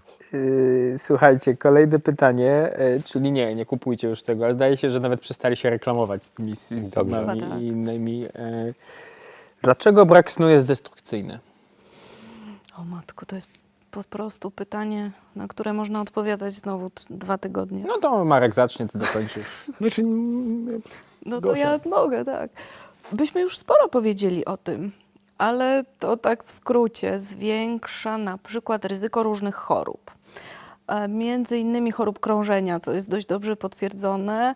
E, Bardzo nam też zakłóca gospodarkę hormonalną, tak właściwie ogólnie, bo e, we śnie głębokim się wydziela hormon wzrostu. No jak nie śpimy, to nie rośniemy, co babcie nam powtarzają od zawsze. To oczywiście nie jest tak, że całkiem nie, ale rzeczywiście ten hormon wzrostu jest nam potrzebny, więc nie powinniśmy go sobie tak ograniczać.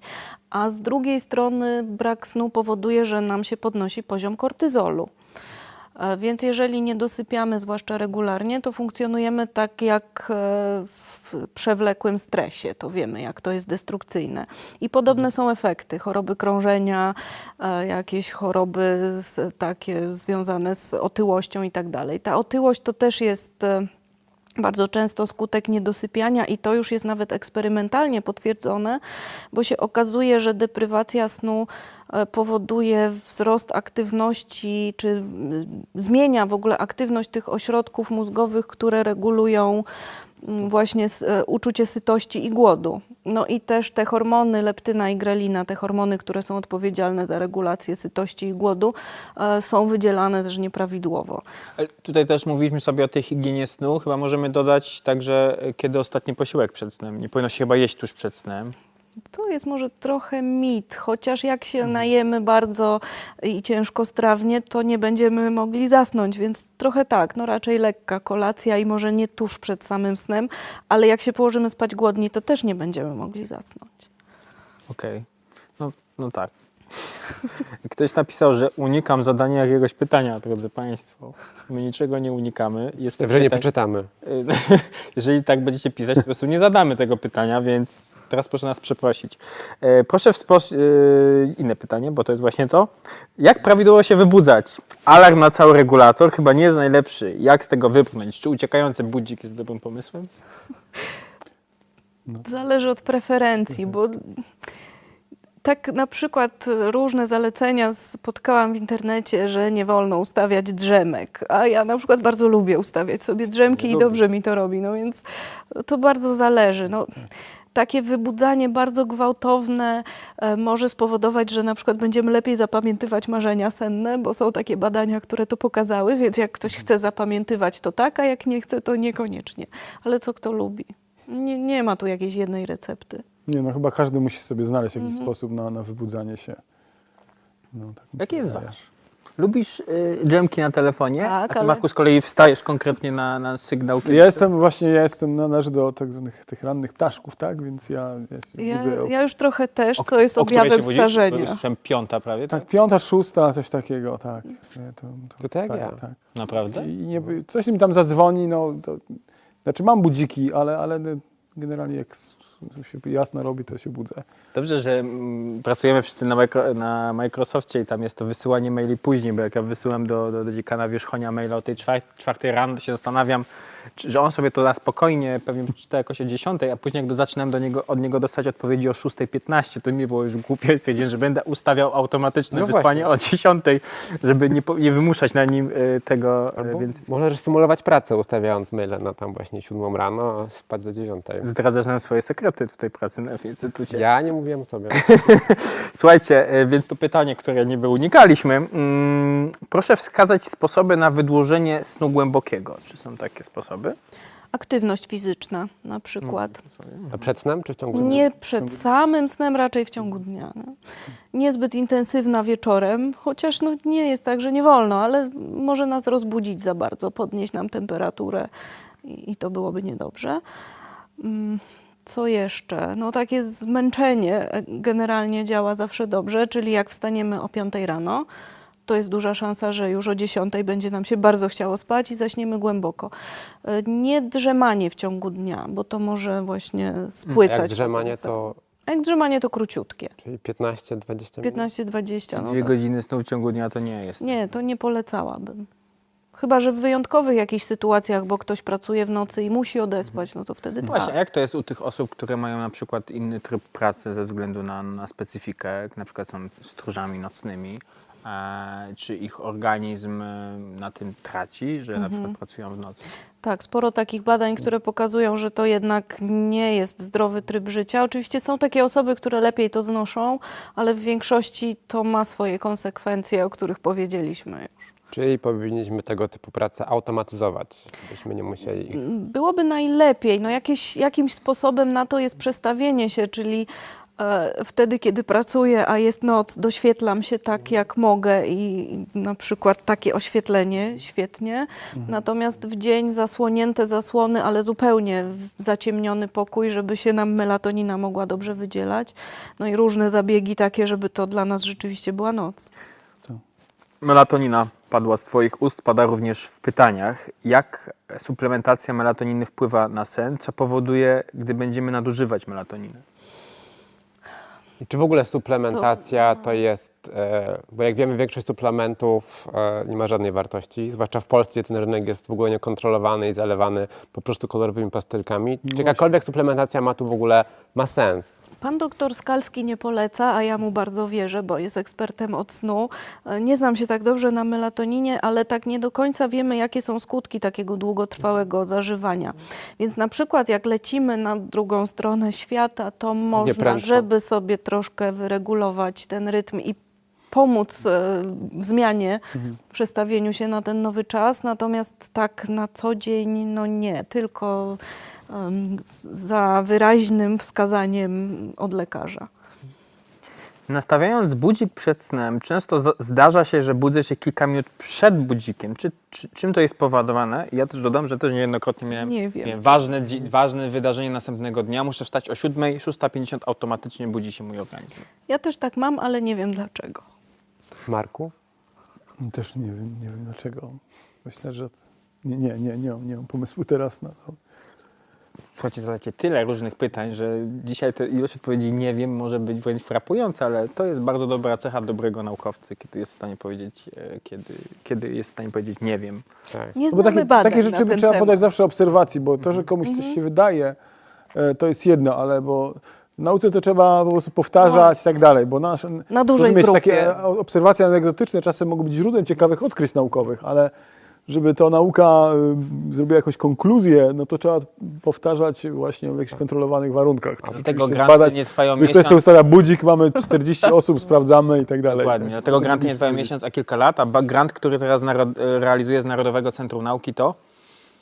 Y, To grant Opus 16 dotyczący właśnie badania reakcji słuchowych y, w różnych, w różnych stanach poziomów zaburzeń świadomości, czy we śnie, czy właśnie po prostu. Chcemy już jakieś wstępne, bardzo wstępne wnioski, albo czy... A Na jakiej przestrzeni lat on jest realizowany? Od chyba 19 roku, dobrze pamiętam? Tak, no właśnie, tak. Y, No to Zaczęliśmy troszkę nam przed pandemia pandemią. przeszkodziła, zamroziła nam na rok badania, więc Czyli będą Czekamy. czekamy, tak. No, cały czas jak zbieramy, teraz ruszyliśmy z no, po, po, Ja robię analizy, więc nie drążmy z- tego z tematu. ma- panią Małgosią, z panią doktor Urszulą Górską. No, udało nam się przeprowadzić badania.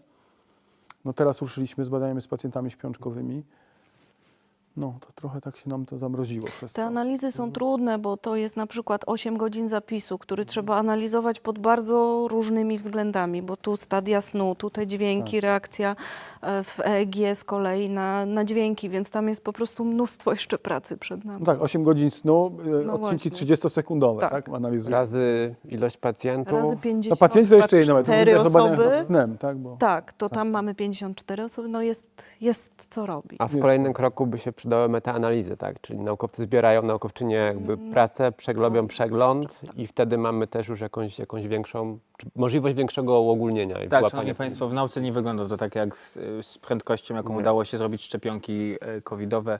Ale niektóre, na których przypomnijmy, że nad niektórymi pracowaliśmy już na podstawie poprzedniego serca od, od ponad dekady, więc nawet więcej, więc to też nie jest tak, że te szczepionki, przynajmniej część z nich spadła zupełnie, mm, czy została wymyślona od tak. To są jednak lata skomplikowanych badań, także nad innymi wirusami.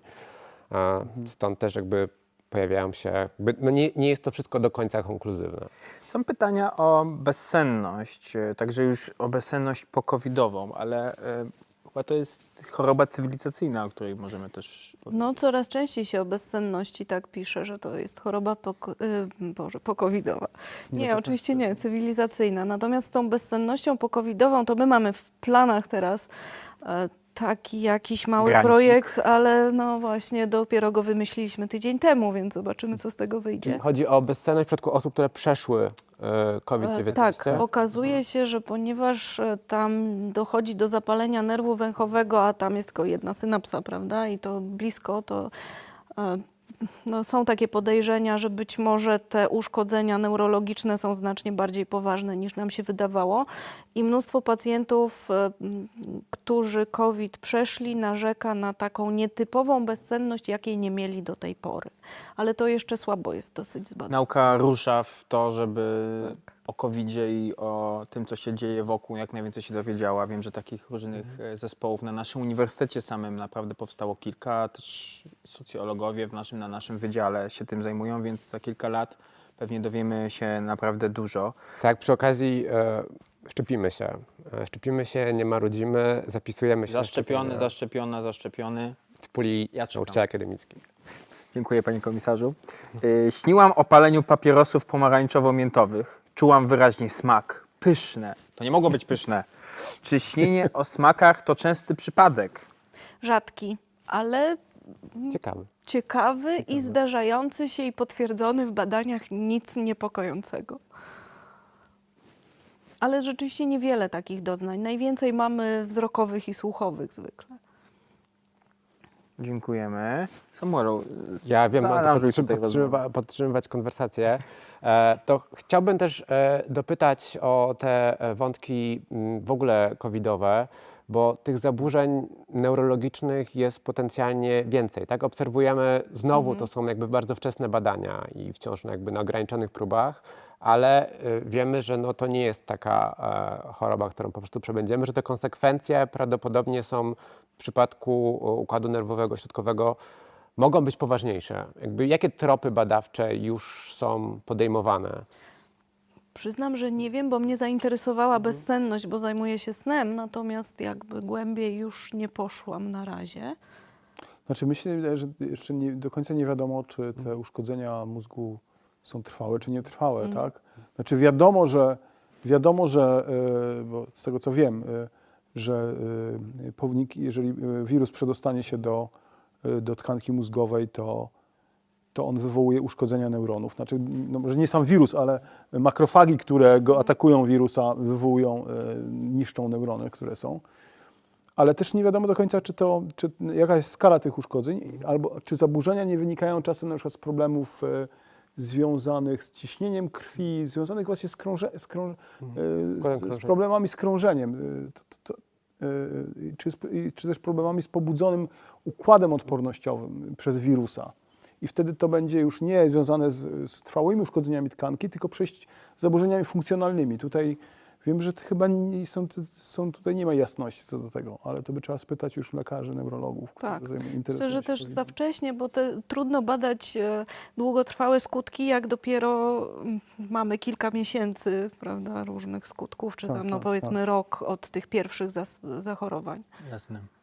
Mm, Jeszcze chciałbym Marka na, na, powoli kończąc nasze spotkanie zachęcić o, o kwestię em, też tych aktywności wokół, wokół śp- śpiączki, badań nad e, śpiączką, ale Mhm. także e, chciałem zapytać o klinikę Budzik. Mhm. Wiem, że w Polsce jest prowadzone chyba przez Fundację Akogo takie, takie miejsce, e, które tu ma 15 łóżek. No, już, no w sumie trzy są budziki w tej chwili. tak, już czy nawet? Okej. Tak, trzy są, bo dwa, y, dwa są w Warszawie, jeden, jeden jest y, w, w Olsztynie i teraz podobno w, Rzeszowie ma postać kolejny. Powstają kolejne, bo zdaje się, że tam no, można mówić o sukcesach medycznych, e, które się wydarzają. E, jaka jest szansa wybudzenia kogoś ze śpiączki takiej pourazowej, długoletniej? E, czy ona z- czasem maleje? Czy jesteśmy w stanie po, po analizie e, tych uszkodzeń mózgu określić, czy ta szansa w ogóle jest? Jak, jak się na to zapatr- zapatruje? Znaczy to są pewne statystyczne zależności. To tak jak ze statystycznymi za, za, za, zależnościami w psychologii. One coś mówią nam o tendencjach w grupie, takich zastrzeżeń, zanim coś powiem, takie zastrzeżenia ogólne powiem, to nie pozwalają nam przewidzieć, jak to będzie w przypadku jednej osoby, tak? Tej konkretnego pacjenta, czy tej konkretnej osoby. Tak na przykład, że powiedzmy sobie, nie wiem, że ekstrawertycy coś tam, to coś tam, tak? To Tak, i że nie wiem, że ten konkretny ekstrawertyk na się na przykład pewno coś, obudzi. no na przykład coś takiego, tak. E, właśnie, więc, więc na pewno są pewne tendencje, że, że oczywiście im dłużej ktoś jest w ciężkim stanie, tym mniejsze szanse na wybudzenie. Tak na przykład, ale na przykład, że uszkodzenia y, traumatyczne, czy uszkodzenia mózgu y, w sensie mechanicznym dają, generalnie dają lepsze rokowania niż uszkodzenia związane z niedotlenieniem mózgu. To na pewno. E, Że to są, mózg jest, wydaje się bardziej uszkodzony wskutek nieudotlenia niż wskutek jakiegoś urazu mechanicznego. Ale to też zależy od urazu, zależy od niedotlenienia, bo wybudzają się osoby po nie- niedotlenieniu, po zawale, mogą się wybudzić. I tak samo może być problem osoba, która jest po urazie mechanicznym. Nie ma tutaj reguł, są pewne tendencje. Są pewne tendencje. Ale, ale, ale był taki dogmat, że jeżeli osoba się nie wybudziła przez rok, no to szanse na to, że ona się wybudzi po upływie roku e, maleją. Ale są kolejne badania, które pokazują, że część pacjentów nawet po pięciu latach się, się wybudza. I część. uzyskują sprawność w większym, mniejszym stopniu? W sensie, czy jest możliwe w ogóle uzyskanie sprawności takiej, która gwarantuje jakieś komfortowe życie po takim okresie, czy są też tacy, nie ma? Tak, są tacy pacjenci, ale często jest tak, że jakaś, jakiś, jakiś rodzaj nie- niepełnosprawności zostaje, czy to ruchowej, czy to intelektualnej. A pacjenci No, pamiętają? sytuacja taka, że rzeczywiście tak jak w filmach, że ktoś się budzi ze śpiączki i jest jakby taki jak był poprzednio, to, to jest stosunkowo rzadko, no bo ta śpiączka jest, stan śpiączka jest już efektem ciężkiego uszkodzenia mózgu, więc to zawsze zostaje jakiś, jakaś niepełnosprawność zostaje z pacjentem. To nie jest tylko śpiączka, to jest też element jednak uszkodzenia mózgu. Tak, tak, no bo pacjent się wybudza, no ale zostają z nim pewne deficyty. Dokładnie. Może mieć afazję na przykład, tak? Pacjent wybudzony. Albo Afazję, może, czyli... Czyli nie, umie, nie, nie, nie rozumie, co się do niego mówi, albo nie, nie mówi sam, tak? A pacjenci, A jest wybudzony, jest świadomy. pacjenci i pacjentki pamiętają jakoś ten okres? Mają też świadomość jakiegoś upływu czasu? Czy Często nie mają, często nie mają, a często jest tak, że mają takie przebłyski, e, różnie to bywa. Najczęściej nie mają, często mają tak, że miesza im się e, to, co się im, ich sny, które mają w czasie śpiączki, spotkania z ludźmi, zdarzenia im się mieszają w jakąś taką amalgamat, e, ktu- mniej lub bardziej niezorganizowany, a często nie mają, nie mają żadnego, żadnego, żadnego, że budzą się po prostu po trzech miesiącach. I często dla nich to jest też szok, tak? że no, wyobraźcie sobie, że zasypiacie, budzicie się w innym miejscu, w innym czasie, to się wam mówi, że minęło 5 miesięcy. albo kilka E, lat? Tak, i pierwsza reakcja, ktoś z was sobie zrobił żarty, prawda? Nie, nie dowierzacie temu, bo nie macie takiego poczucia, że minęło 5 miesięcy. Więc często tacy pacjenci wybudzający się doświadczają takiego stanu właśnie splątania, jak to się mówi. Będziemy kończyć nasze spotkanie, ale oddamy tutaj jeszcze na samym końcu miejsce pani Natalii, która zadała to pytanie o medytację, pozwoliła sobie je uzupełnić. Może troszkę się za bardzo pośmialiśmy z, z tego pytania. Przepraszam. Nie, ja się nie śmiałem. Nie, nie, nie to samo jeszcze, pytania. było jak jasne. coś, więc, bo tutaj on jest wymienio- wymieniony z imienia, więc...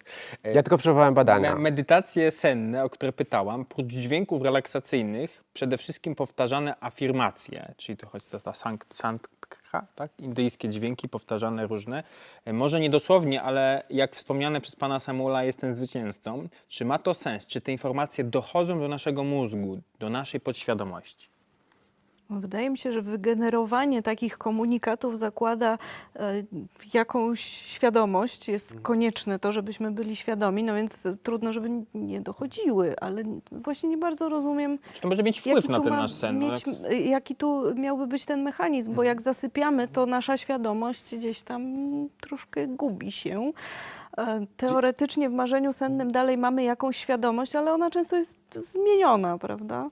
Tak jak rozumiem to pytanie, ono zakłada, że istnieje podświadomość, w którą możemy przeprogramować na, czy przeprogramować, jakby wprowadzić tam pewną informację, która potem będzie miała w sposób jakby dla nas nieświadomy istotne znaczenie. Aha, w ten sposób. No to też jest trochę pytanie o założenie, pytanie, czym miałaby być podświadomość w ten sposób No rozumiana, więc tu myślę, że trzeba byłoby to doprecyzować. Nie chcemy też Odpowiedź chyba musi być trochę taka, że no ja w każdym razie nie znam takich badań, które by pokazywały, że coś takiego jest możliwe.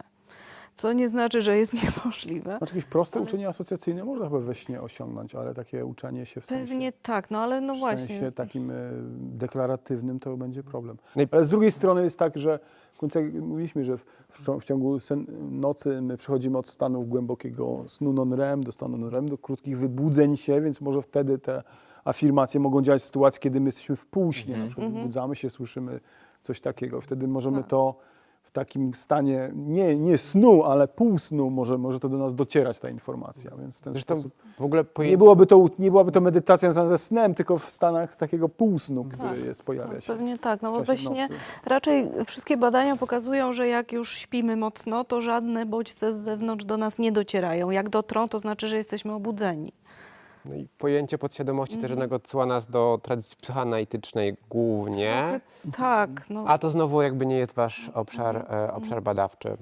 Myślę, że to spotkanie pokazuje, jak dużym obszarem badawczym jest sen, przede wszystkim też nasz, nasz mózg, jak wiele też badań różnorodnych jest prowadzonych w Instytucie Psychologii Uniwersytetu Jagiellońskiego. Bardzo dziękujemy Wam za to spotkanie. Za bardzo za tłumne przybycie. Dziękujemy za e, zaproszenie. Doktor Małgorzata Hołda. I profesor Marek Binder. To było spotkanie z cyklu Science First, 23 spotkanie naszego cyklu. Nie czwarte? Ale trzecie, bo z tym się pomyliliśmy. E, Ale za dwa tygodnie Za dwa tygodnie zapraszamy Was na nowy naukowy talk show, już drugie wydanie, tym razem na żywo, e, gdzie będzie punkt krytyczny. E, będziemy transmitować prosto z Hevre. TikTok a demokracja, Chiny, TikTok reszta demokracja. świata. Tak, nowa hegemonia, wykorzystanie technologii cyfrowych w walce nie tylko o rząd dusz, ale także potęgę i jakby przewagę gospodarczą. To wszystko w ramach y, POB-u, który na naszym uniwersytecie działa Future Society, ale za tydzień bez Samuela, tylko ja startuję cykl Wyjaśniamy. Będziemy rozmawiać o rytuałach razem z y, badaczami i badaczkami z Instytutu Religioznawstwa, więc jakbyście chcieli nas nieco pooglądać, to Tak. e, i no, przede wszystkim i posłuchać, bo jest również podcast, to macie możliwość, ale przede, wszy- przede wszystkim świetnych e, badaczy i badaczki z naszego uniwersytetu, którzy mają ten dar popularyzacji, który mogliście dzisiaj wysłuchać. Są pytania, czy to nagranie zostaje? Tak, to nagranie zostaje. Przepraszamy za drobne problemy techniczne e, na samym początku. Dziękujemy całej ekipie pięcioosobowej z Miłoszem na czele, której nie widzicie, ale jest po drugiej stronie. Dziękujemy Ani, która robiła testy, wysyłała nam również i wybierała wasze pytania. Dziękujemy Centrum Wsparcia Dydaktyki za to, że przyjęło nas tutaj e, pod e, Bardzo wygodne swoje.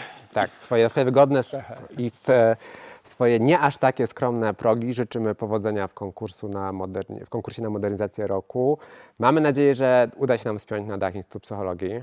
Bardzo byśmy tego chcieli, zwłaszcza, że jest tam wspaniały widok na park i na Wawel, ale tutaj jest tak wiele zmiennych, e, Musimy że zacząć od umycia szyb. tak, i nie chcemy Wam też nic obiecywać, ponieważ ostatnio obiecujemy, rzucamy obietnice prawo i lewo i różnie bywa z ich realizacjami, a chcąc utrzymać wiarygodność, e, zapraszamy Was po prostu na kolejne wydanie Science First e, już za miesiąc. Tomasz Pytko, Samuel Nowak. do zobaczenia.